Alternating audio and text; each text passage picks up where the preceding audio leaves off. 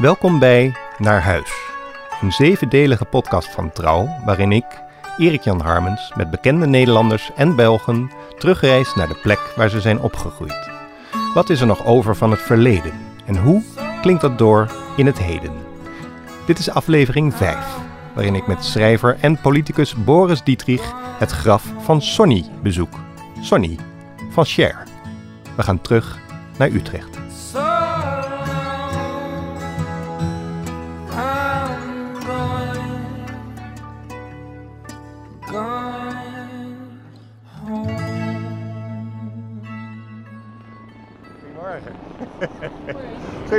Ik dacht van, ja, ik dacht je komt of, een- of een kwartier te vroeg of een Ja, kwartier te laat. Vroeger ging in de bus hier echt elke vijf minuten. Ja, ja, ja, ja. ja. Eens per, hey, Ja. Eens per half uur. ja precies. Nou, eh, Boris, je bent net uit de bus gestapt. En waar staan we nu? We staan nu op de Lessinglaan. En daar heb ik- Utrecht? in Utrecht, inderdaad. En eh, dat is in de wijk Oog in Al. En daar ehm, ben ik geboren, min of meer. In ieder geval opgegroeid tot mijn dertiende, geloof ik. Ja. Maar heel veel jeugdherinneringen. Op je dertiende, vijftiende en Zeist. Ja. ja, ja. Klopt. En we staan aan het begin van de Le- Lessinglaan. Hè? Ja, ehm, maar aan het andere begin eh, van waar ik eh, ben opgegroeid. Ja. Dus we moeten straks de Lessinglaan eh, doorlopen. Ja. En dan komen we bij mijn eh, flat uit waar ik ben opgegroeid. Ja, ja. En dat is de eerste flat vanaf de brug. Ehm, eh, nou ja, dus dat is helemaal aan de andere kant. Ja. Dat is een minuut of tien lopen, denk ik. En het rare is, Boris, want ik heb net gisteravond laat eh, jouw eh, eh, roman Halszaak gelezen. Of wat is het? Een thriller zou je zeggen. Een politieroman, of hoe je het ook maar noemt. En daar speelt die straat en ook die flat een belangrijke rol in. Ik ga natuurlijk niet verklappen hoe, want dan gaan we de clue van het boek weggeven. Maar voor mij is het ook een beetje een spannende plek. Klopt, maar het is ook een hele spannende plek. Daar zit een heel verhaal aan vast. Zal ik je dat nu vertellen? Ja, dat kunnen dat Ja, gaan we oké. doen. Ja. Ehm, Want ik vind het eigenlijk wel leuk dat je dat vertelt als we er nog niet zijn. Oh, oké. Ja, dus ik ga gewoon deze, tegen deze lantaarnpaal leunen en dan vertel Nou, je het. het, het verhaal is dat mijn vader, eh, toen wij dus kinderen waren, mijn zus en ik, eh, ons uitje was dat we met mijn vader gingen fietsen. Eh, el- elke zaterdag of zondag. En mijn vader had enorm hoogtevrees. Dus als we oog en al uitfietsten en bijvoorbeeld richting de meren wilden, moesten we over het Amsterdam-Rijnkanaal, over die brug. En dan stapte mijn vader af en die keek hij helemaal naar de grond. En dan begon hij ook een beetje te trillen en te bibberen. Had echt enorme hoogtevrees. En wij als kinderen hadden daar weinig eh, begrip voor. Dus wij lachten en zeiden dan tegen mijn vader: kijk naar beneden, kijk naar het water en zo. Oh, ja. Maar God straft snel. Want eh, ik heb toen ook hoogtevrees gekregen. Oh, ja. Eh, maar dat heb ik op een hele rare manier ontwikkeld. Eh, namelijk, wij woonden op drie hoog, de bovenste etage in de Ja. flat aan de Lessinglaan. En ehm, als ik dan op het balkon stond, dan was ik bang dat het balkon zou afbreken en dat ik naar beneden zou vallen. Heb ik En- ook wel eens, ja. ja. Maar dat had ik als kind echt heel erg. En ehm, nou ja, die angst, daar ben ik natuurlijk wel weer overheen gekomen. Maar die heb ik in mijn boek eh Halszaak gebruikt. Precies. Eh, als onderdeel van het plot. ja, zo, ja. ja, nee, ja, precies. En we kunnen er eigenlijk niks over zeggen, behalve dat Ja. daar bij de ingang van de flat een sprake is van een haag. Uit mijn hoofd zeg ik een lusterhaag, maar dat zeg ik waarschijnlijk fout. Wat was dat weer? Eh, Noem je dat? Volgens mij is het een Liegusterhaag. Liegusterhaag, zie je? Ik was warm. Ja, ja. Ja, En- en die, ehm, dat is eigenlijk zo'n haag als wat we hier ook zien. ja, we zien hier een tuintje En, bij een eh, huis en dat lijkt er een die beetje staat op. er dus al 60 jaar. Ja, ja. En dat is echt fantastisch als, ja, als je erover nadenkt dat planten het zo lang uithouden. Ja. En die wordt natuurlijk eh, bijgesnoeid. Ik denk, maar ja, we gaan hem straks zien dat Ja. hij misschien wat hoger is geworden. Weet je ons. zeker of hij er is? Ja, want eh, dankzij Google Ah. kan je natuurlijk... eh, Je hebt het opgezocht. ik heb, ja, ik heb het opgezocht. Ja, Ja, ja, ja, en hij is er nog. Ik heb het opgezocht toen ik eh Halszaak schreef. Ah, ja, ja. Dus ik neem aan dat hij er nog staat. Ja, moet maar even zien. Oké, nou we gaan erheen wandelen. Oké, Leuk. leuk.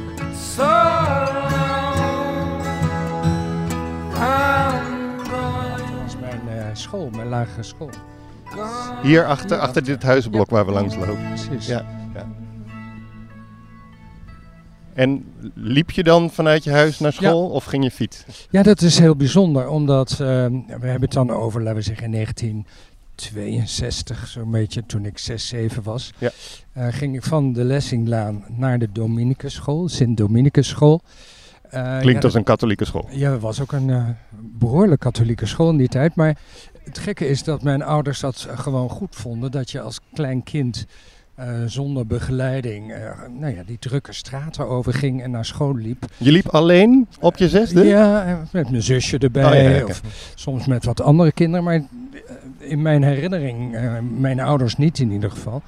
Dus ja, dat was toen toch gebruikelijk dat je als kind alleen over straat liep. Ja. En dan in de lunchpauze ging je ook weer naar huis. Liepen wij ook alleen naar huis terug. En dan na de lunch weer terug naar school. En, ja, heel bijzonder. Dat zal denk ik nu niet meer zo zijn. Was dat een strenge eh, katholieke school of wat was het? Ja, nou ja, streng. Eh, in die zin dat elke maandagochtend kwam de pastoor in de klas.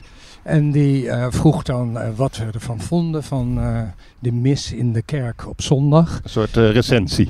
Ja, en dan moesten we ook uit de catechismus voordragen en ook uit ons hoofd leren. Dus in die zin was het best wel, eh, best wel katholiek, maar verder merkte je er niet zoveel van.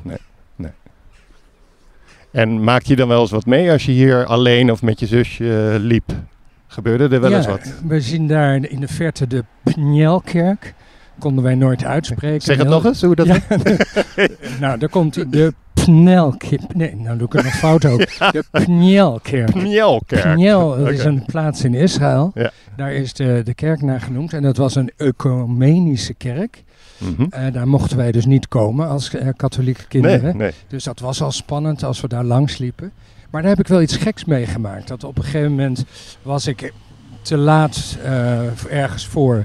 En ik moest op een bepaalde tijd thuis zijn. Ik was te laat en toen liep ik langs de kerk. En toen dacht ik, wat voor smoesje zal ik verzinnen dat ik te laat ben als ik straks thuis kom. En eh, toen eh, had ik verzonnen dat er een ongeluk was gebeurd. En dat ik daar naar gekeken had en dat ik daarom te laat was. Nou, heel Oh. origineel natuurlijk. Ja. Maar Geloofde ze je? toen kwam ik thuis en dat vertelde ik.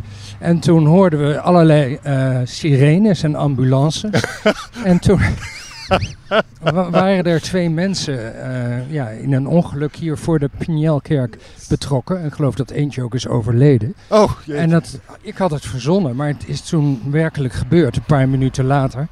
En dat, eh, daar moet ik altijd, moest ik altijd aan denken als ik langs de Pnielkerk liep. Want ergens in mijn achterhoofd eh, verbond ik dat aan het feit dat dat een ecumenische kerk was en niet een katholieke kerk. ja, ja, ja. Dus het had iets te maken met zonde. En, Nou ja. ja. Goh, maar daardoor sloot je alibi om een beetje in jouw thrillersferen te blijven. Helemaal, ja. ja, ja. Alleen het kost dan wel een gewonde En en, dat een... kon ik dus ook weer niet vertellen, hè, dat Nee. het eh, toch verzonnen was. Precies. Ja. Ik heb daar over, want ik gebruik alles in mijn leven natuurlijk. Ja. Ik heb eh, een andere roman geschreven en die heet De waarheid liegen.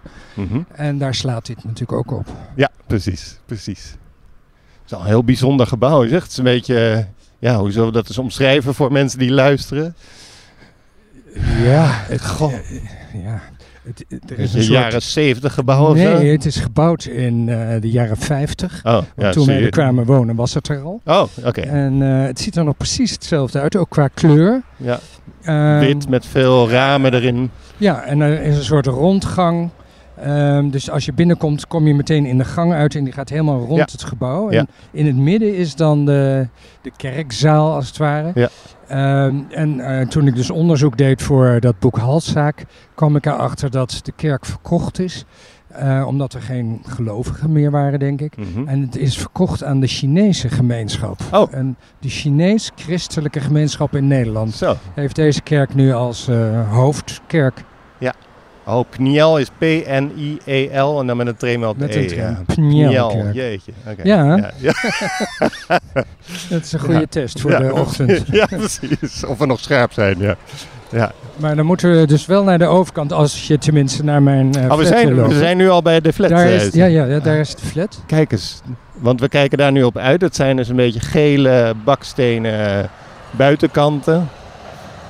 En het zijn flats van drie verdiepingen. En daar wonen jullie. En dus de route die we net hebben gelopen was de route die jij als kind... eh, naar school ging ik gewoon ja. rechtdoor en dan op een gegeven moment naar links. Dan kwam ik bij de school uit. En heb jij ook, als ik, als ik namelijk terug ga naar Al van der Rijn, waar ik vandaan kom, dan denk ik altijd, in mijn beleving was het veel groter dan het in werkelijkheid is. Heb jij dat ook? Eh, nou, ik vind de straat nog steeds eh, vrij groot. Hij is wat mooier geworden omdat het fietspad vrij liggend is. Volgens mij was dat vroeger niet zo. Maar verder, het is een hele brede laan, de Lessinglaan. Het is echt Ja. dus het begin van eh, de wijk Ogenal. Ja. Dus nee, dat niet. Maar ehm, nou ja, ik ben daar met mijn zus nog eh, een jaar of twee geleden geweest toen we het as van mijn ouders gingen uitstrooien. En toen moesten we een plek bedenken eh, waar we dat het beste konden doen. Van beide ouders. Van, eh, mijn vader en mijn moeder zijn binnen anderhalf jaar na elkaar Ja. overleden en allebei gecremeerd. Mhm. En eh, wilden dat wij de as uitstrooiden en zeiden bedenken jullie maar wat. Ja. Eh, dus, eh, nou ja, en toen kwamen wij erop uit dat toch een hele mooie tijd in hun leven het leven in de Lessinglaan was. Ja. En ehm, nou ja, en toen hebben wij bij de Ligusterhaag het as van mijn ouders een beetje uitgestrooid. Oh. Dat kan je natuurlijk niet helemaal doen Nee. met die urn. Nee. Maar een beetje wel, en dat vonden we toch wel heel mooi. Ja. Oh, dus dat is ook bij die hagen uitgestrooid. Oh, allebei. Dus daar zijn ze nog een beetje. Daar zeg maar. zijn ze nog een Jeetje. beetje. Ja. En daar gaan we nu naartoe lopen, naar die haag. Ja. Ja, precies. Nou, dan Laten gaan we we, maar doen. gaan we oversteken. Dat doen we veilig. Anders wordt het ook een hele korte podcast. dus pas op, Boris. Eh, nou, dat... Ja. Oh, Oké, Ja, ja, we gaan ja, we moeten gelijk op nu. Ja, dat is waar.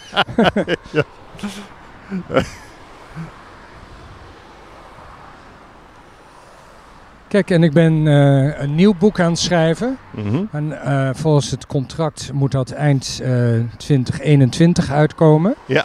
En dat speelt zich af, eh, een deel van het plot, eh, op het Herderplein. En dat zien we daar. Ah. Dus op de een of andere manier, als ik dan Ja. plekken nodig heb in, eh, in de plots van mijn boeken, Ja. ja, dan val ik toch terug op mijn jeugdherinneringen. ja, ja, ja, ja, precies. Ja. En daar voel ik me dan toch heel erg thuis bij. En, eh, Is, dat Nou ja. dan, is dat dan vooral omdat je het daar al kent, dat je denkt dat is makkelijk? Of zit er nog iets anders omdat ik achter? daar gevoel bij heb. Ja. Dus, eh, ja, ik heb daar als kind heel vaak gespeeld en mooie herinneringen aan. En ja, dat is een plek, eh, vind ik het ook heerlijk om over te schrijven. Ja. Kan natuurlijk net zo goed een plein verzinnen. Ja. Ehm, maar waarom zou ik dat doen? Ja, precies. En wat is jouw eh, gevoel als je, als je nu om je heen kijkt en je vergelijkt het met toen jij hier opgroeide? Wat zijn dan de verschillen? Behalve dan dat fietspad wat je zei, wat toen gewoon onderdeel uitmaakte je van de weg. fysiek van de omgeving. Ja, gewoon als je nu om je Want heen ik kijkt. ben natuurlijk als persoon heel anders geworden, want we hebben het er bijna over, laten we zeggen, 60 jaar later. Ja. Maar eh, fysiek is er helemaal niet zoveel veranderd. Ook toen was er een eh, middenberm in de Lessinglaan met gras. Het is nu mooi bijgehouden. Oh ja. Eh, Was het vroeger een beetje... eh, eh, vroeger was het ietsje wilder, zoals in het midden eigenlijk. Ja, maar ja. dat vind ik eigenlijk ook wel mooi. Ja. De bomen en zo. Ah, Ja, het was vroeger ook heel erg groen. Het gekke is dat ik nu het gevoel heb dat er minder verkeer is dan vroeger. oh ja, oh, dat is apart. Ehm, en dat merkte ik ook aan de bus. Want toen ik de bus van het station hier naartoe nam, bleek die maar één keer in het half uur te gaan. Ja. En vroeger ging niet alleen bus 5, maar ook bus 9 en eh, andere bussen kwamen allemaal over de Lessinglaan. Ja. Dus eh, ja, eh, laten we zeggen, Utrecht heeft de verkeerscirculatie veranderd. Ah ja, precies. Ja. Maar ja, de omgeving is precies hetzelfde. En Ja. al die gele flats, dat, ja, daar, die ook, die zijn allemaal hetzelfde. Daar zijn de balkonnen wat anders. Ja. Maar dat is allemaal van ja, begin jaren 50. Het is erg mooi eigenlijk om te zien. Het is mooie mooi. flats. Ja. En welke flat wonen jullie dan? Is dat... Daar eh, dan moeten we recht Ja. doorlopen. De allereerste flat. Ah, ja. Ook het allereerste portiek. Ja. En daar waren wij als kinderen, waarom weet ik niet, maar altijd trots op. Dan zeiden we altijd, wij woonden in de allereerste Ja. flat. Ja, ja. Wat wel veranderd is, ik zie nu hier allerlei fietsen staan voor die Ligusterhaag, Ja. die er gelukkig nog is. Ehm, en dat was vroeger niet. Vroeger moesten wij, eh, je hebt kleine steegjes om de flat heen. Mhm. Moest je, als je de fiets neer wilde zetten, moest je naar achteren fietsen. En eh, dan moest je de fiets achter in de, in de kelderbox zetten. Oh, ja. Dus we hadden geen eh fietsenrekken. En nu is dat wel zo. Het is eigenlijk wel aardig opgelost, toch een beetje. Een beetje zo inhammetjes In, hebben ze gemaakt. inhammetjes in de Ligusterhaag. En we lopen nu op de hoek van dat eh, gebouw eh, of van dat flatcomplex af. En dat is dan de eerste daar. De allereerste en dan Ja. helemaal boven in de hoek. Ja.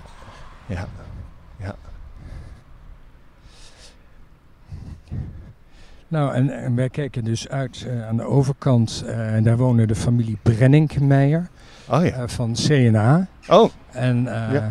nou ja, dat was ook een katholieke familie. die woonde daar op de Die hoek. woonde daar op de hoek. En het huis ziet er ook nog precies hetzelfde uit. Ja. Ja. Ik, ik zou denken dat die, ik bedoel, het is al een best groot huis, maar je zou denken dat die een heel landgoed hebben. Ja, nu Oh waarschijnlijk ja, wel. was, ja. Ja, maar is- toen eh, was het verhaal ook al dat ze in de kleren zaten. Ja, ja, ja. eh, Ja, ja. ja. Ja. En in Halszaak beschrijf je ook iemand die dan uit dat, uit dat appartement kijkt en dan ziet hij een typisch Utrechts uitzicht. Zo Ja, schrijf je het op. Klopt. Nou, daar is een, eh, aan de zijkant moeten we nog even Ja, ietsje ja, doorlopen. tuurlijk. Daar zijn balkonnetjes. Ja. Ehm, zullen we zo gaan? Dat is goed. Ja, doe. Ja. Sorry. Ja. Kijk, eh, hier gingen we dan zo door om onze fiets eh, weg te zetten. Ah, dit is een, ja, hier maar- is dus een klein steegje Ja. met allemaal eh, groen Helemaal- eromheen. Helemaal begroeid. Ja.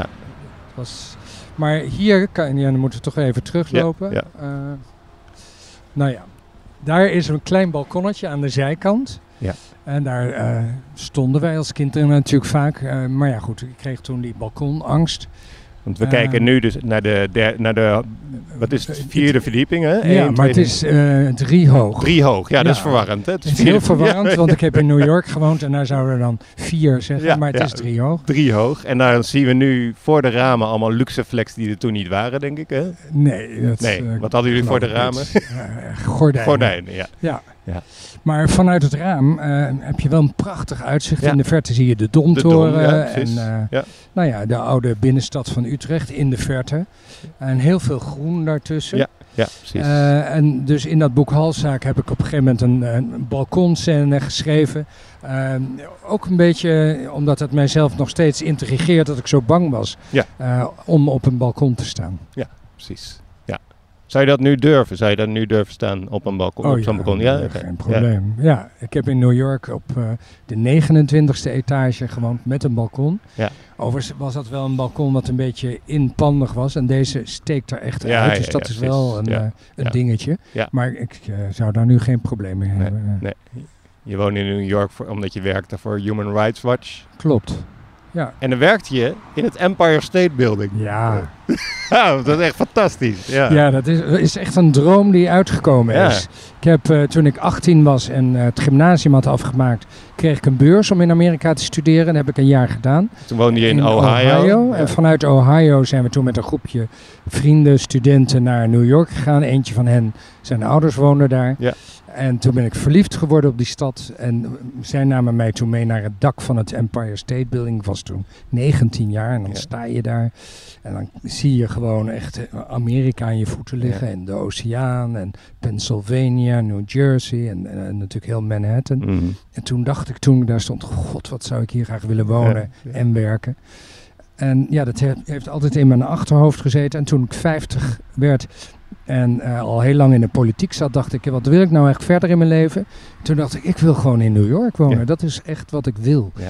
En eh, nou, daar heb ik toen mijn best voor gedaan en dat is gelukt. En toen heb ik gesolliciteerd bij Human Rights Watch. Ik wist helemaal niet waar die hun hoofdkantoor hadden. En toen werd ik uitgenodigd om- een contract te tekenen, want alles ging verder via de telefoon.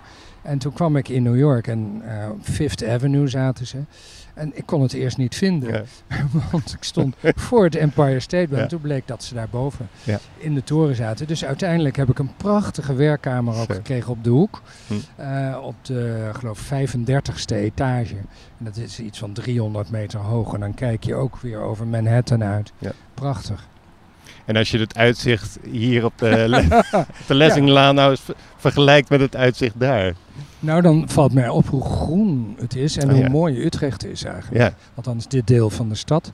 Echt heel mooi. Dat zag ik ook in de bus hier naartoe Ja. rijden. dacht ik, wow. Het is natuurlijk ook een uitzonderlijk mooie dag. De zon schijnt, blauwe Ja, hemel. Het groen is ook echt heel groen. Ja. Ehm, maar het is mooi. En eh, ja, Manhattan heeft weinig groen. Ja. je kan natuurlijk naar Central Park of zo, maar dus het straatbeeld is heel anders. Ja. Wat was je voor jongen toen je hier woonde? Hoe zou je jezelf omschrijven? Ehm, ik was denk ik een heel braaf kind. Ehm, eigenlijk zo'n beetje mijn opstandige periode begon toen ik een jaar of 12, 13 werd.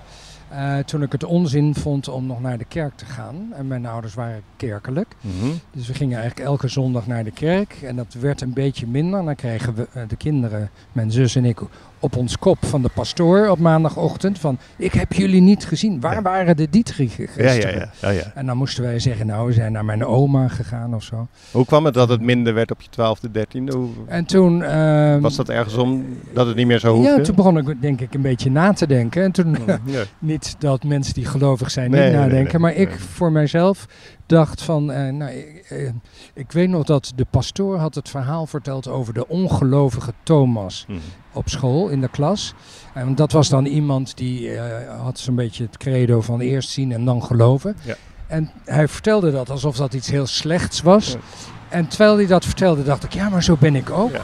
Ik, daar, ben ik, daar ben ik het mee eens. Ja. Dus dat was. In welke zin was je daar al mee eens toen? Eerst eh, even zien eh, ja, wa- wat de feiten zijn. Ja, ja. En eh, nou ja, en dan kan ik me wel laten overtuigen. Maar en ik vond eigenlijk ook al. ehm, Dus niet blind geloven, maar niet eerst... blind geloven, nee. maar eerst. En daar kwam ook nog eens bij, en dat is eigenlijk de ommekeer geweest, dat er werd dan verteld op een gegeven moment dat Jezus Joods was. En dat hij eh, een, een wijs man was. En, en nou ja, natuurlijk ook he- helemaal heilig. Maar dat de Joden dat niet geloofden dat hij eh, de zoon van God was. Maar gewoon een belangrijk iemand. En eh, ook daar werd hoofdschuddend door de pastoor tegen eh, ons kinderen, 12 jaar, Ja. over gesproken. En terwijl hij dat zei, dacht ik, ja, maar dan ben ik Joods. Mm. Want dat geloof ik ook, namelijk dat hij gewoon wel wijs is. Maar wie zegt mij dat hij de zoon Ja. van God is? ja. En dan die drie-eenheid, dat kon ik ook nog niet helemaal bevatten. Nee. En toen dacht ik, kwam ik thuis en toen zei ik tegen mijn vader en moeder, ik wil niet meer naar de kerk. Ja. Ik geloof niet. Ja. En eh, mijn ouders hebben dat eh, goed gevonden, na discussie. Ja, En- moest je daar wel over in conclave? is misschien Ja. niet helemaal te gelukkig woord dan. Zo'n pauselijk nee, woord. Ja, maar- heel toepasselijk woord eigenlijk. Maar dat was dan meer eh, bij het avondeten. Waarom dan niet en zo. Maar toen kwamen ze tot de conclusie dat ik dat echt beredeneerd had. In kinderlijke termen. En toen hoefde dat niet meer. En in diezelfde periode zijn wij, wel een jaartje later of zo, naar Zeist verhuisd. En toen kwamen we dus ook los van, van de kerk en van de school. Ik zat ook op een katholieke middelbare school. eh, het Bonifatius Lyceum, Hmm. Sint Bonifatius Lyceum. Eh, dat heet nu het Bonifatius College, geloof ik. Maar toen ben ik ook naar het Montessori Lyceum eh, verkast in Zeist. Ja. En toen is het geloof helemaal weg op de achtergrond geraakt. Ja. En nu? Eh, dat heb ik eigenlijk nog steeds, hoewel ik wel heel erg veel interesse heb in eh, de verhalen Mhm. vanuit de godsdienst. En niet alleen eh, het christendom, ook de islam en het jodendom vind ik heel interessant. Maar echt geloven doe ik niet. Ik Nee. ben echt een humanist. We staan hier voor een soort steegje. Hè? Met allemaal groen eromheen. En hier heb je vast als kind heel vaak gelopen. Ja, en gefietst met En name, gefietst. want wij moesten dus, moesten dus onze fiets achterom zetten. Ja. En eh, ja, er komen, terwijl we hier nu staan, opeens allerlei herinneringen boven. Ja, vertel, eh, kijk eens wat er in je opkomt. Want waar kijken we op uit? Op, we kijken nu op een eh, hele hoge haag uit. Die was in mijn herinnering veel lager vroeger dan nu. Ja. Maar het is wel erg mooi, vind ik. Ja. Dus dat hele steegje, eh, zo kom je bij de achterkant van de flat. Ja. Dat is nu echt helemaal een soort groene muur. Dat, in mijn herinnering was dat allemaal wat lager en Ja. wat minder. Maar eh, dat komt uit op een blok huizen. Mhm. Daar woonden de rijke mensen, zeiden wij eh ja, vroeger. dat zijn gro- grotere woningen waar we op uitkijken. ja, Ja. een heel mooi huizenblok. Ja, En eh, daar woonden mensen, de familie De Steenwinkel, opeens herinner ik me de naam weer. Ja. En die hadden jonge hondjes. Oh ja, En daar mochten wij dan als kinderen in de huiskamer met naar de hond kijken die dan eh, die jonge hondjes eh, melk gaf. En uiteindelijk eh, mochten wij van mijn ouders een van die puppies nemen. En zo hebben wij onze eerste hond Ja. hier gekregen. En hier liepen wij dan ook altijd met Sonny. Zo heette die. Sonny. Ja. Sonny. Ja. S-O-N-N-Y. Ja. Dat was in de tijd van Sonny en Cher. Ah ja, oké. Want er was ook een kat aangelopen. Herinner ik me nu opeens ook weer. Die En- heette Cher. en die hebben we Cher genoemd, ja. Origineel, hè? I got you, babe. Ja, Ja, precies. Ja. ja wat leuk. En hoe, wat vond je ervan dat daar dan zeg maar de rijke mensen woonden, hier tegenover de Brenninkmeijers. En dat jullie dan in een op zich sympathiek ogende flat, maar niet een hele dure flat woonden. Hoe vond je dat toen? Dat vonden wij prima. Daar had ik eigenlijk geen gedachte bij. Behalve dat wij wel graag een tuin hadden gewild. En dat heb je natuurlijk niet als je in de bovenste etage van een flat woont. Maar hier is heel veel groen. Dit hier omheen zijn nu ook allerlei uh, ja, nieuwbouw. Uh, Marco van Basten uh, complex is gebouwd, sportterrein en zo. Vroeger was dat allemaal weiland. Want Marco van Basten komt ook uit deze buurt. Marco van Basten woonde achter ons. Ja. Zei het uh, dat ik hem nooit gekend heb toen hij daar woonde. Nee. Maar in de straat achter ons. Ja, ja, ja. ja. ja. En hier achter de flat, als we door dat steegje zouden lopen, dan kom je op een speelplaats uit. En daar hebben we natuurlijk eigenlijk onze jeugd doorgebracht, buitenspelend. Als we daar nu naartoe lopen, Voel je dan iets zelf voordat je erheen loopt? Zeg maar, ja, voel je een soort... Uh... Ik voel een, een soort uh, spanning. Ja. Uh, in een goede manier van het woord. Ben, ja, dus toen we mijn, het as van mijn ouders een beetje hebben verstrooid was hier. Ja. maar we zijn toen niet, mijn zus en ik zijn toen niet daarachter geweest. Dus ik heb wel heel erg een soort nieuwsgierigheid ja. ook van hoe zou het zijn. En als we nu gaan lopen, want dat heb je via Google bekeken, maar via Google kan je niet helemaal erin lopen. Dus wanneer ben je voor het laatst hier ingelopen? Nou, dat was twee jaar geleden toen we het as Oh ja, toen je het as verstrooide, En ja. uh, dat was hier eigenlijk zo'n beetje op het hoekje. Oké, okay, ja. Uh, dus we zijn daar niet in geweest. Dus ja, hier, hier ben ik. En aan de achterkant ben ik, nou wat zal het zijn, 40 jaar of zo niet precies, geweest. Precies, Zoiets. Ik heb het gevoel dat we een beetje gaan tijdreizen toch, nu. Ja. We stappen nu de tijdmachine ja, in. precies. Ja. Het mooie is dat als je hier dan zo staat, dat er ja, ja.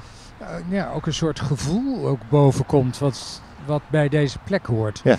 Wat Moeilijk voor te omschrijven. Ja, precies. Ja. Maar um, nou ja, ik was dus echt een kind. En uh, ja, ik ging toen ook naar de middelbare school toen we hier nog woonden. Um, dus het was echt een tijd dat je je gaat ontwikkelen en jezelf gaat ontdekken. En um, ja, van kind dat je als het ware in een soort metamorfose terechtkomt. En dat gevoel komt heel erg uh, bij me naar boven nu we hier staan. Ja. Zo van de toekomst ligt voor je. Ja. Um, en had je enig idee hoe die eruit zou zien al toen? Ik wilde altijd uh, iets met uh, doen wat met rechtvaardigheid te maken had. Had ermee te maken dat mijn vader vluchteling was, asielzoeker uit Tsjechoslowakije. En wij mochten in, in, mijn jeugd mijn oma niet zien van de communisten. Dat was natuurlijk het ijzeren gordijn en dat was allemaal heel erg verdeeld, de wereld. En uh, mijn vader en mijn moeder spraken daar eigenlijk altijd over in mijn herinnering. En dat vonden wij als kinderen zo gemeen dat wij onze oma niet mochten zien. En als we brieven aan haar stuurden, dan werden die helemaal zwart gelakt door de censuur. En uiteindelijk, nadat zij jaren op een wachtlijst had gestaan, mocht ze op een gegeven moment een week naar Nederland komen. En dat was vlak voordat wij naar Zeist verhuisden. Dus ze heeft ook nog deze flat meegemaakt. Dus ik was 12, denk ik, 13. Want jouw vader was uit Tsjechoslowakije gevlucht zonder haar uh, in te lichten. Ja, hij was toen zelf 24, geloof ik. Dus echt heel jong. Want dat was in welk jaar? In 1948 is hij ja, gevlucht. Ja, ja. En uh, hij was bang, want hij was enig kind. Had een, een hecht contact met zijn moeder. Maar zij was nogal bezitterig en hij was student in Praag. Ja. En hij was bang dat als hij zou vertellen van ik ga binnenkort vluchten, dat ze uit een soort wanhoop hem zou aangeven, zodat hij gearresteerd zou worden, maar in ieder geval in Ja. het land zou blijven. Ja. Uh, dus hij heeft haar helemaal niks gezegd. En in die tijd had je natuurlijk ook geen mobiele telefoons of Nee. internet of wat dan ook. Nee. En ehm, hij is gevlucht. Dat, die vlucht duurde eigenlijk maanden, geloof ik, voordat hij Mm. uiteindelijk in Nederland terecht kwam. Want hij is ook nog in Duitsland gevangen gezet met die groep vluchtelingen. Nou, uiteindelijk in eh, Nederland terechtgekomen. En toen pas via het Rode Kruis, en dan hebben we het echt drie maanden later, kwam mijn oma erachter dat hij niet doodgeschoten was. Eh, wat toen gebeurde rond die coup in eh Tsjechoslowakije. Maar dat hij nog leefde en in eh, Utrecht terecht was gekomen. Dus dat was op zich goed nieuws. Maar nou ja, dat eh, was natuurlijk wel een trauma voor mijn vader. En ja, dat heeft hij toch wel ook doorgegeven aan ons door daar heel veel over te praten. In ieder geval had ik als kind het idee van ehm, dit is gemeen wat politici kunnen doen. Vader was ook heel politiek actief in Ja. Nederland, bewust in Nederland. Ja. En zo heb ik eigenlijk altijd eh, daar willen zijn waar beslissingen worden genomen. Ah, Om, eh, maar dat niet wist je toen al dus. Wist je toen al ja? Ja. wist ik toen al dat ik eh, daar iets mee wilde. En uiteindelijk ben ik dan rechten gaan studeren. Maar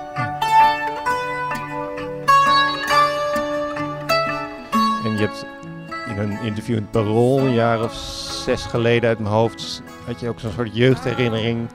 waarin je schreef dat je vader een sigaret rookte, s'avonds laat... en dan naar buiten keek terwijl hij rookte... en dat jij dat dan zag als jonge Boris... en dat je dan aan hem vroeg... eh, eh, oh, ja. Weet je het nog? oh ja, dat weet ik maar al te goed. Oké, zeg maar, vertel Ja. jij het mij, dat is mooi. ja, ja, Ja. je vertelt het heel mooi.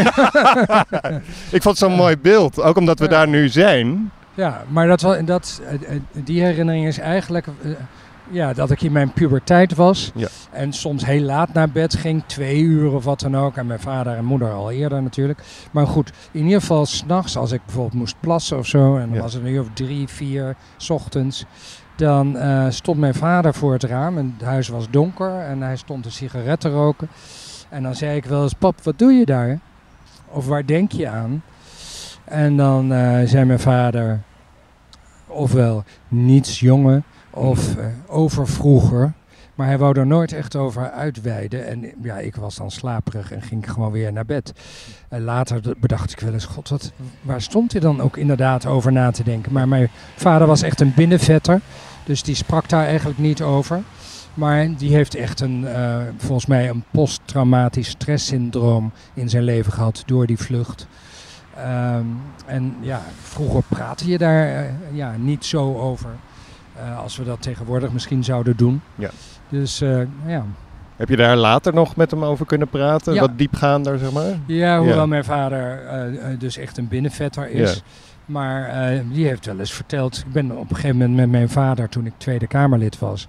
eh, en, was ik ook, en was fractievoorzitter. En waren, D66 was lid van de Liberale Internationale. Hm. En mocht ik een keer een toespraak houden in eh Bratislava, waar mijn vader geboren is. Terwijl hij opgegroeid is in Tsjechië. Ehm, en ik ben ook wel eens in Praag geweest voor politieke werk Hm. heb ik mijn vader meegenomen. En dat was wel heel bijzonder, want mijn vader was toen al oud. En die was ook al heel erg lang niet in, eh nou ja, in Bratislava sowieso nooit geweest. Hm. Dus dat was voor hem ook echt wat wij nu doen. Ja. deed ik toen met mijn vader. eh, gingen we naar zijn geboortehuis en in de straat. En toen kwamen er allemaal verhalen opeens. En toen opende hij op. Eh, en toen opende hij Ja. zich. En hebben we veel over vroeger gesproken. Maar goed, toen was hij al in de tachtig, denk ik. Wat bijzonder, want toen stond je dus met hem in die straat, dan zonder podcast recorder. Maar, Ja. eh, eh, en als je, als je die, die herinnering of wat hij daar voelde toen vergelijkt met wat jij nu voelt hier, was dat dan, was hij dan bijvoorbeeld heel eh, zwaarmoedig of, heel, of juist heel gelukkig? Wat was, weet je dat nog? Ja, nou wat, hij heeft heel veel verteld, maar over die straat in Bratislava. Eh, kan ik me nog heel goed herinneren dat eh, daar was een, eh, in het oude Joodse gedeelte van Bratislava. En was ook een, ja, een heel groot ja, flatgebouw eigenlijk, maar dan wel een hele mooie oude setting. En daar woonden eigenlijk alleen Joodse mensen en mijn grootouders met Ja. mijn vader. Ja.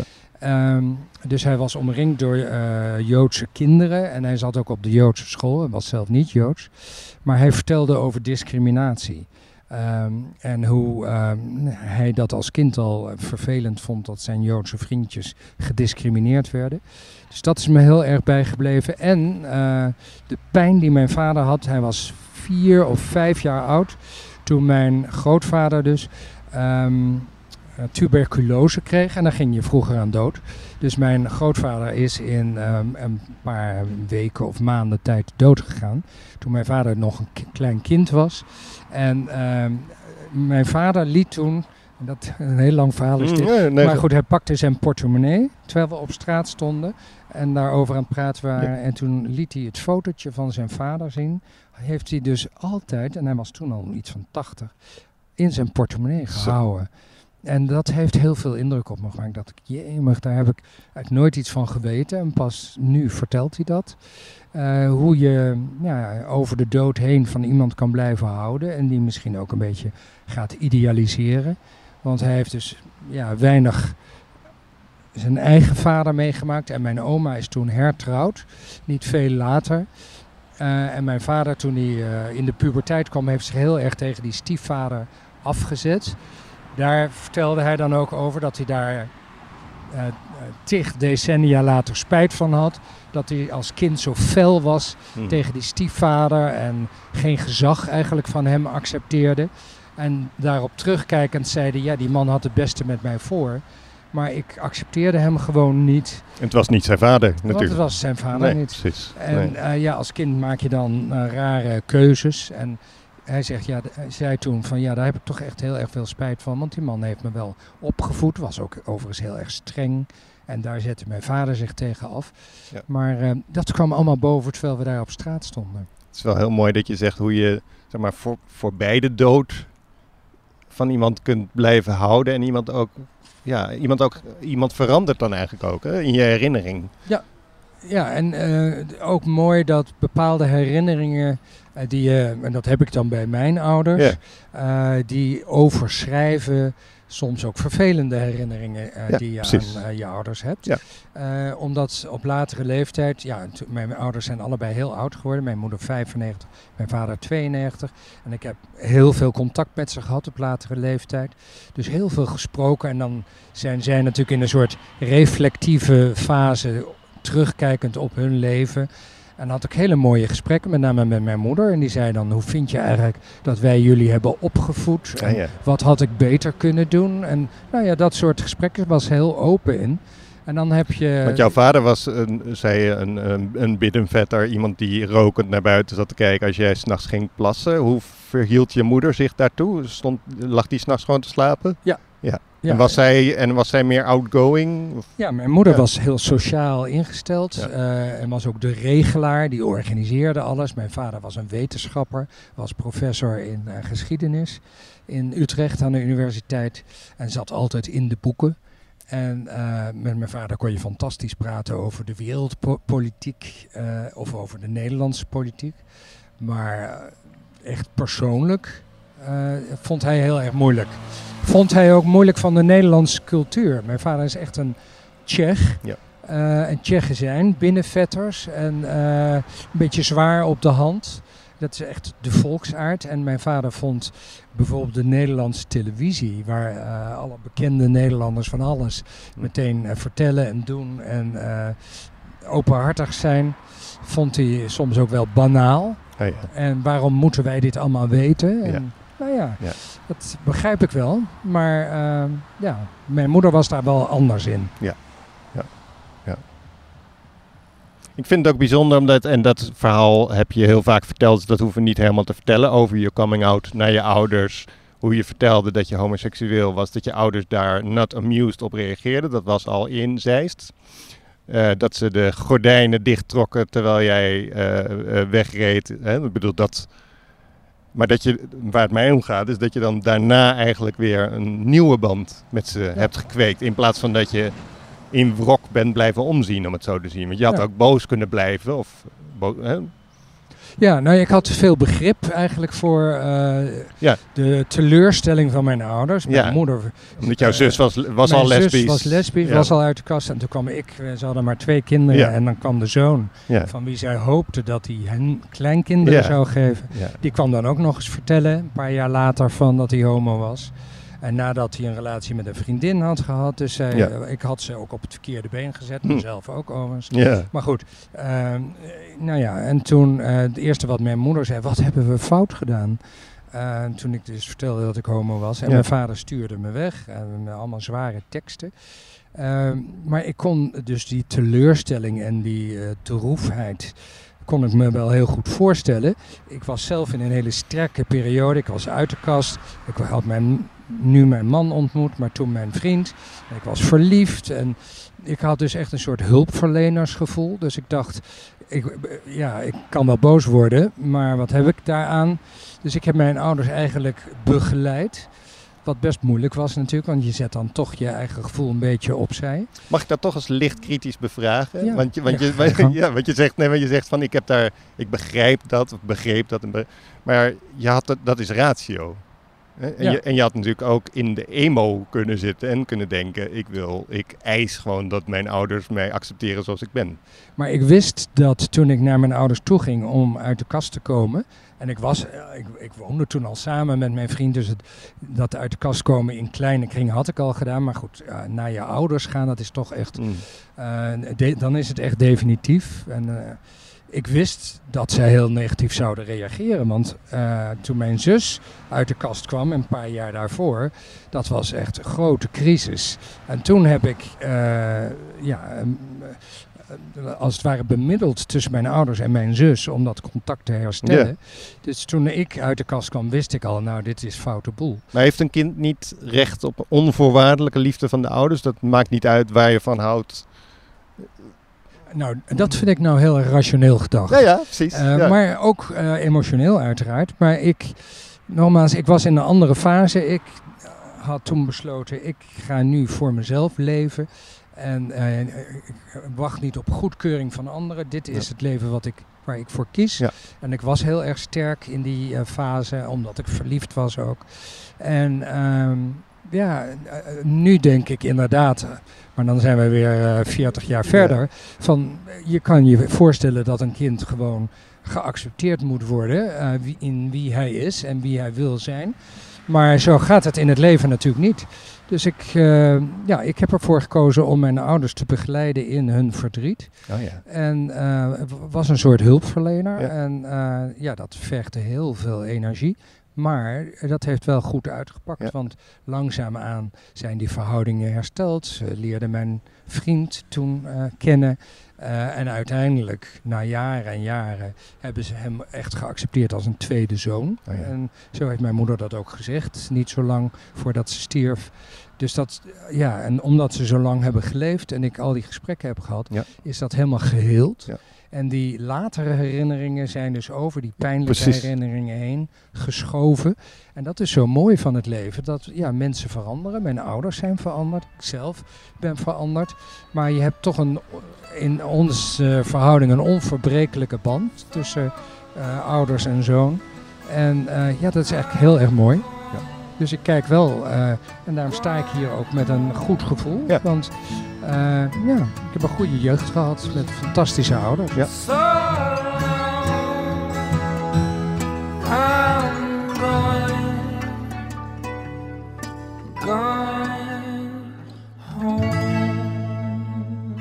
Het is me een heel nieuw iets uh, te binnen gevallen. Misschien Ja. zal ik je dat maar even vertellen. Doe maar. Ehm, het was 4 mei, dodenherdenking. En ik denk dat het 1963 was. Ik was een jaar of 8, 9. Mhm. En fietste van eh, de school waar de dodenherdenking was met mijn zusje.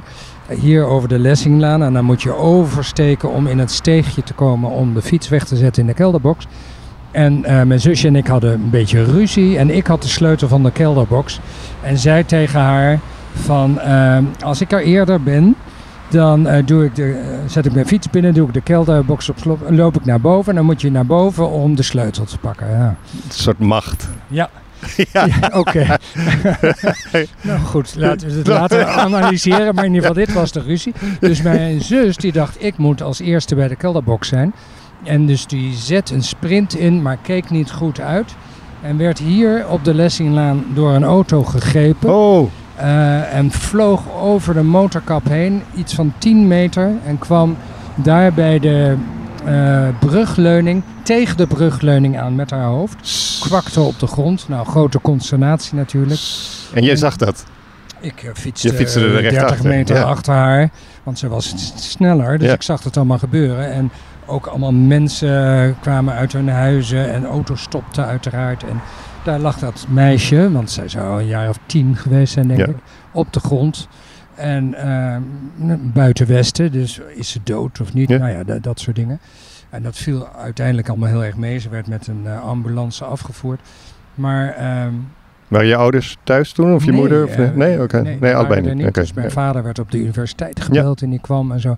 Nou ja, goed. En, en de volgende dag was ze alweer thuis. Had ook niks gebroken. Dus uh, uiteindelijk een geloof lichte hersenschudding. Hm. Maar dat uh, gebeurde daar allemaal precies op het hoekje. Zo. eh, waar de brugleuning Ja, is. waar we nu op eh, uitkijken. ja, en dus als we het hebben over het zijpaadje waar we met de fiets doorheen moesten Ja. om naar de kelderbox te komen, is dit ook iets wat eh, eh, bij mij opkomt als jeugdherinnering. En, en hebben jullie daarna eh, dat soort wedstrijdjes nog gehouden? Nee, we zijn. eh, het was, ik moet wel zeggen, elk jaar op 4 mei dodenherdenking. Denk ik, wat ben ik blij dat mijn zus niet is Ja. doodgegaan toen.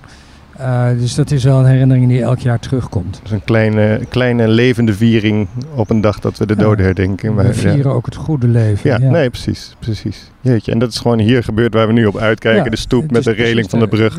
Ja, Oké, ja, dat is zo'n, wat is het, 20 meter van eh, Ja. het eh, paadje naar de kelderbox aan de achterkant. en dan gaan we nu naar dat steegje lopen, Boris. Ik heb het idee dat we iets heel belangrijks gaan doen. we wandelen er gewoon nu naartoe.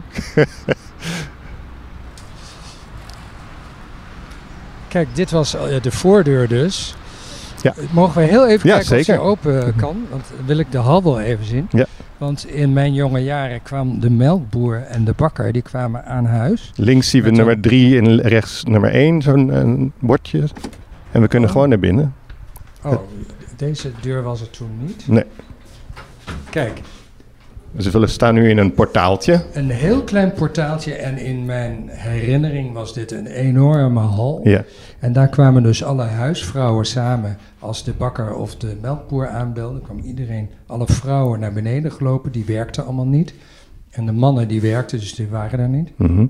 En wij als kinderen kwamen dan ook natuurlijk. Dus het was een soort ontmoetingspunt met eh, de bakker en de melkboer. Dus die kwamen hier in het halletje. En dan alle En jouw moeder stond hier ook. Ja, mijn moeder stond ook en dan kocht ze, ik noem wat, een fles Want melk. werkte jouw moeder? Had ze, of, Nee, dat mocht niet. Nee, nee, nee, precies. Eh. Mijn moeder werkte altijd totdat ze kinderen kreeg. Ja. En in die tijd werd je ontslagen Ah, als eh, vrouw, eh, Ja. als getrouwde vrouw die kinderen kreeg. Want anders zou je de baan van een man inpikken. En een man was het hoofd van het gezin, stond ook nog in de wet.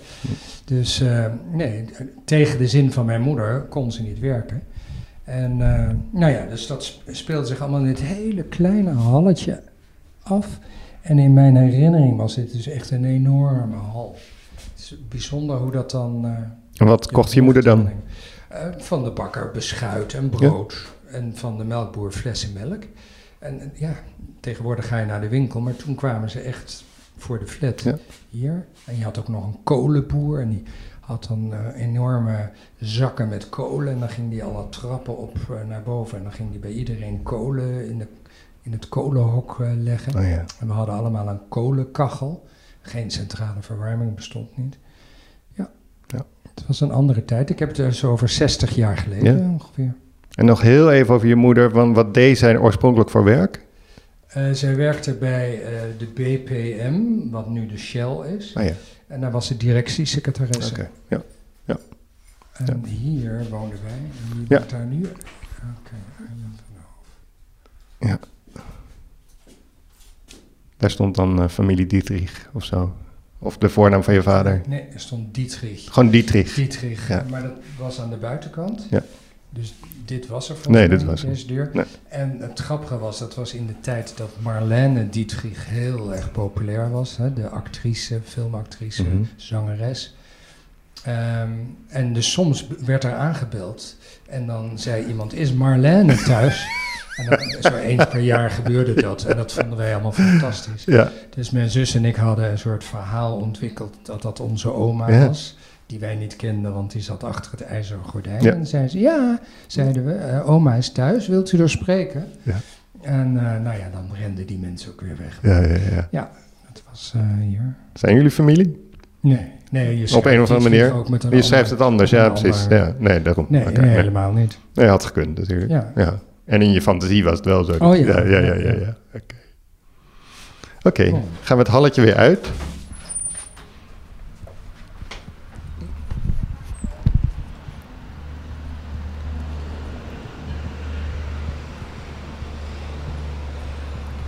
En dan lopen we weer over de Lessinglaan langs de plek waar jouw zus dan 10 meter de lucht zweefde. En dan gaan we nu, als in een tijdmachine, echt het steegje in.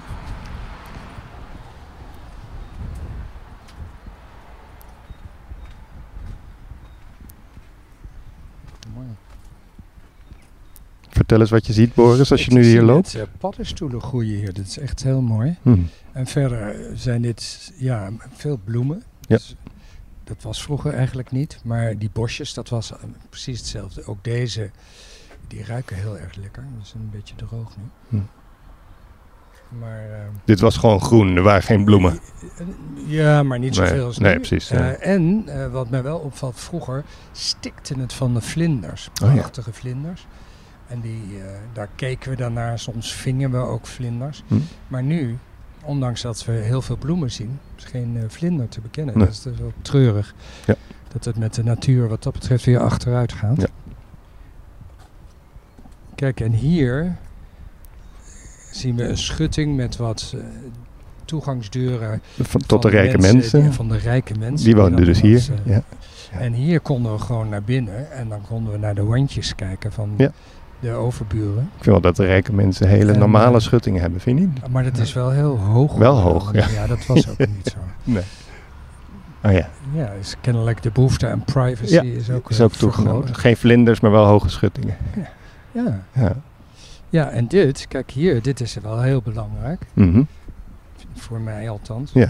Ja. En daarmee is het belangrijk.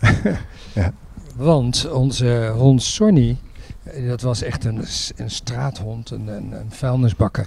was heel eigenwijs, ontzettend le- leuk beest. En die eh, liep ook altijd weg.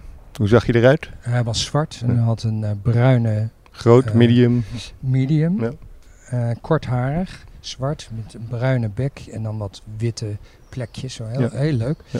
Maar die luisterde nooit. Dus als, we, als ik hem ging uitlaten of mijn zus, dan ja, liep hij weg. Wij gingen hem hier altijd uitlaten. Hm. En vroeger had je natuurlijk niet van die poepzakjes, dat je Nee. dat allemaal op moest Nee. ruimen. Ja. Nou, op een gegeven moment was hij weggelopen en is hij helaas op de Lessinglaan aangereden en doodgereden. Dus jouw zus is op de Lesseling aangereden en, en, Sonny is en doodgereden. Sonny, Sonny is doodgereden. Ja, dat, dat heb je nou als je al die herinneringen boven laat Ja, komen. het begon zo vrolijk. Want het begon zo vrolijk. Nou, en dan eindigen we bij het graf van Sonny. Oh, Want die hebben we daar eh, ja, bij die plant begraven. zo. Eh, ja, wat is dat? Eh rhododendron. Daar ligt Sonny. Daar ligt Sonny. De- Eh, ja. Behoorlijk diep beneden. Ja. En wanneer is hij overleden? Ja. Ongeveer? Overleden. Ja, of overleden, ja, doodgereden. eh, Doodgereden, ja. Ja, je hond overlijdt eh, toch ook op zich? Ja, eh, ja, hij is in ieder geval meteen overleden. In negen, nou, wat zal het zijn? 1967. Ja. Zoiets. En was dat... Waar, ja, Ja, dat was een drama. drama, ja. Want we raapten hem op. Er werd aangebeld bij ons. Is dat jullie hond is Hmm. aangereden. Dus wij met z'n vieren naar beneden. Vader en Want moeder. hij was al een tijdje kwijt toen of zo. Hij was, hij, Ja. ja, want wij stonden op dat balkonnetje te roepen, Ja. Ja, ja. Sonny. Waarschijnlijk heeft hij ons gehoord en dacht hij, nou laat ik maar weer eens naar huis gaan en stak de straat over. Nou ja, hij is daar aangereden, doodgereden, want hij was meteen dood. En eh, mijn ouders gingen als eerste zo voorop en mijn zus en ik erachteraan. Ja. Eh, nou ja, en zo hebben we hem opgeraapt. En ja, wat doe je met een dode hond? Eh, dus toen eh, hebben we hem hier begraven. Ja, dat mag waarschijnlijk helemaal niet, Nee, maar ja. dat hebben we toen gedaan. Ja. En in mijn herinnering, maar dat is waarschijnlijk helemaal vervormd, was het doodstil in Utrecht toen dat gebeurde. En keek iedereen hoe wij in een soort processie met een dode hond hier do- door de bosjes gingen en daar een kuil gingen graven. Hebben mijn vader en ik gedaan. Ja. En Sonny daarin gelegd. En, eh, nou ja, en dat weer eh, goed eh, dichtgestampt. En daar staan nu eh rhododendronstruiken. Ik kan me niet eens herinneren dat die er toen waren. Nee. Maar En daarachter is een speelplaats. Was die er toen ook al? Ja. En die ziet er, eh, dit ziet er ook precies hetzelfde uit. Er waren misschien iets meer lage bosjes. Ja. Maar dat was echt een kinderspeelplaats. Daar kwamen alle kinderen uit de buurt. Maar daar zie je nu zeg maar de typische wipkip en zo en dat soort dingen. Maar die waren toen neem ik aan niet, hè? Nou, in die, die schommel was er. En Oh ja. die klimrek, eh, wij noemden dat dan klimrek. Ja. Daar heb ik eh, de handstand eh, vaak gedaan. Oh ja. En mijn zus, die is twee jaar ouder. En die was heel erg slim. Nou weet ik opeens, herinner ik me dat eh, daar in de flat woonde een eh, familie in het kader van een sociaal project. Het Hm. waren een beetje asociale mensen. En de gemeente had besloten die moeten in een gewone buurt ondergebracht worden. Dus die hadden daar allerlei verheven ideeën bij. Maar het probleem was dat ja, de vader van dat gezin eh, nogal eh, onbeschoft was. Ja. Eh, dus die maakte ruzie met de andere ouders. en. Maar goed, het verhaal wat ik wou vertellen is dat op een gegeven moment mijn zus en ik aan het ballen waren. En hij had een auto en die zette die midden op de kinderspeelplaats. En mijn zus was nogal bij de hand. Dus eh, die, eh, de bal kwam tegen zijn auto aan. Dus die meneer kwam meteen naar buiten en begon te schelden. En dat wij hier niet mochten spelen. En toen zei mijn zus: ehm, Dit is een vrij land met democratie. Zo. En wij zijn kinderen en wij hebben het recht om hier te zijn. En dat had ze natuurlijk een beetje opgepikt van de gesprekken thuis. Maar die man die stond helemaal met grote Ja. ogen te kijken van... krijgen we nou zo'n kind van een jaar of twaalf Ja. die zulke taal uitslaat? Dus ook al helemaal eh, ehm, eh, vol van rechtvaardigheidsgevoel. Net ja, als dat jij. had mijn zus ook, zeker. Heeft zij net als jij ook zo'n soortgelijke carrière doorlopen daarna? Ja, een, een andersoortige carrière. Want jij bent zus- advocaat geworden, rechter geworden, eh, politicus geworden, eh, Human Rights Watch heel lang gewerkt en nu zit je in de Eerste Kamer en ben je schrijver. Ja, en mijn zus die wilde heel graag mensen helpen en die is dokter geworden. Oh ja. Eh, en die is nu, nu nog schouwarts. Dus als iemand is overleden, moet zij de doodsoorzaak vaststellen. Ja. En als het een bijvoorbeeld euthanasie is, dan eh, moet zij dat aangeven aan de regionale commissie en niet natuurlijke doodsoorzaak. Ehm, maar dat zat er dus bij ons kinderen, dat is echt door de opvoeding gekomen heel diep in. Dat je iets voor de mensen, Ja. mensheid moest betekenen. Ja. En zij heeft dus de medische kant eh, gekozen. Ja. En het is ook eh, wel bijzonder dat we hier, want laten we zeggen dat jullie dan min of meer, mag ik zeggen dat jullie een soort van, eh, nou ja, tussen middelklas en rijk in, middelklasachtig of zo? Zou je dat zo definiëren? Ja, jullie? ja, ja, zeker. En dan had je daar dan de, zeg maar, de arme mensen. Nou, dat was dan één gezin hè, Eén- die Oh, het was echt één Ja. gezin. Oké, de Ja, rest was, was het. project Want hier woonden de rijke mensen. Ik zat even te denken van, zitten we niet in een soort... eh, Nou, mijn ouders waren arm. Eh, want mijn vader, eh, ja, die was dus gevlucht en die moest helemaal opnieuw beginnen. Dus hij moest eerst afstuderen. Nou, ik kreeg toen een baan eh, op de universiteit, maar dat hield natuurlijk niet over.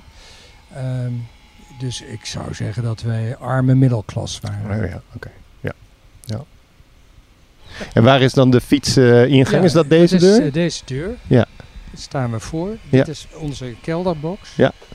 En die is natuurlijk dicht. Die is Het is nou dicht. heel mooi, eh, mooi geschilderd en dicht. Vroeger stond die altijd open. Ja. ja. Ja. En dat was het andere balkon dat we hadden, helemaal bovenaan. Ja. En, eh, ja. Dat was een minder eng balkon, denk ik, hè? omdat het zo Ja, maar daar gesloten heeft was. mijn moeder wel eens van verteld dat toen, ik, toen de bakker eh, eh, aanbeelde en zij dus naar beneden moest om brood te halen. Toen ze terugkwam, toen was ik drie jaar, stond ik op de reling van het balkon, maar dan helemaal bovenaan natuurlijk. Ja. En zonder, nou ja, had ik zo naar beneden kunnen vallen. En kan me voorstellen dat die balkonangst eh, ontstaan is omdat mijn ouders dan altijd eh, zeiden hoe gevaarlijk het was op een balkon en zo. Dat ik dat geïnternaliseerd heb. Slotvraag, Boris, nu we hier zo staan. eh, tenzij we nog een plek hebben overgeslagen die- die, belangrijk voor je is. In de, hier in... ja. Nee, Nee, nee, nee, dit, is, dit is echt de actieradius die ik als kind had. Ja. Wat ik een mooie slotvraag zou vinden is als jij dat jongetje van een jaar of 9 tot 12, 13, hè, als je een beetje daaraan terugdenkt en je ziet jezelf nu hier staan. Hoe verhouden die twee zich tot elkaar? In hoeverre lijk je nog op die jongen en in hoeverre ben je anders geworden? Ik vind het een hele mooie vraag waar het antwoord moeilijk op te geven is. Ehm, het is een soort eh, familieopstellingstherapeutische vraag die je stelt. Ehm, wat ik op zich weer interessant vind, om een boek waarin ik, waar ik nu over aan het schrijven ben, moet de oudere juist eh, zich verhouden tot het kind in hem en een gesprek aangaan met het kind. Hoe bedoel je dat? De ouderen moeten zich verhouden tot het kind in ja, hem? Nou, eh, in het boek is iemand. ehm, ja, die heeft een, een trauma ondergaan. Hmm. En die heeft, moet een, gaat in therapie. En de therapeut zegt dan, nou, eh, we gaan mediteren. En denk je eens in dat je weer 12 jaar oud bent. Toen je allerlei traumatische ervaringen hebt opgedaan. En zeg dan tegen jouzelf als kind van, ehm, nou, eh, begeleid jezelf maar als kind. En in mijn boek, kan ik wel even verklappen, Hmm. ehm, vindt er een hele mooie dialoog plaats tussen de oudere man eh, met zichzelf als kind. Maar jij vraagt nu het omgekeerde. En dat is helemaal ingewikkeld, want als kind, eh, ja, ehm, denk ik, ja, ik had ook nog niet zo heel veel een uitgestippelde toekomst. Dus eh, wie ik nu ben, ja, dat, ik heb mezelf ontwikkeld in, eh, laten we zeggen, de afgelopen 50 jaar. En Ja, je bent nu kind geen- 65. ik ben nu 65. Ehm, dus toen ik eh, ja, een, een beginnende tiener was, had ik nog niet zo'n idee van ehm, wat ik zou willen of wie ik zou zijn. Dus eh, ik denk als ik de- een, gl- toen een glimp van nu had kunnen opvangen, dat ik best wel tevreden zou zijn. Ja, ik vind eigenlijk wel als ik terugkijk dat ik een goed leven heb gehad met de keuzes die ik zelf gemaakt heb en het morele kompas wat je ontwikkelt in je leven. is voor mij belangrijk. En eh, ja, dat de bouwstenen daarvoor zijn hier eh, rond de Lessinglaan gelegd. En eh, ja, die heb ik benut. Dus laten we zeggen, het materiaal wat je in je leven aangereikt krijgt door je ouders, door de omgeving. Daar moet je ook zelf wat mee doen natuurlijk. En ja, ik heb eigenlijk altijd als een soort lijfspreuk dat eh, de toekomst niet voor je ligt, maar in jezelf. Dus je moet zelf eh, dingen ondernemen om er iets van te maken. Nou, dat heb ik wel gedaan in mijn leven. En in hoeverre zijn dan de bouwstenen op de Lessinglaan eh, gelegd, behalve dan bijvoorbeeld door de achtergrond van je vader? Maar zijn er... Door de, de opvoeding van mijn ouders. Ja. Dat is natuurlijk eh, alles bepalend geweest. Door de dingen die gebeurd zijn. eh, door de school.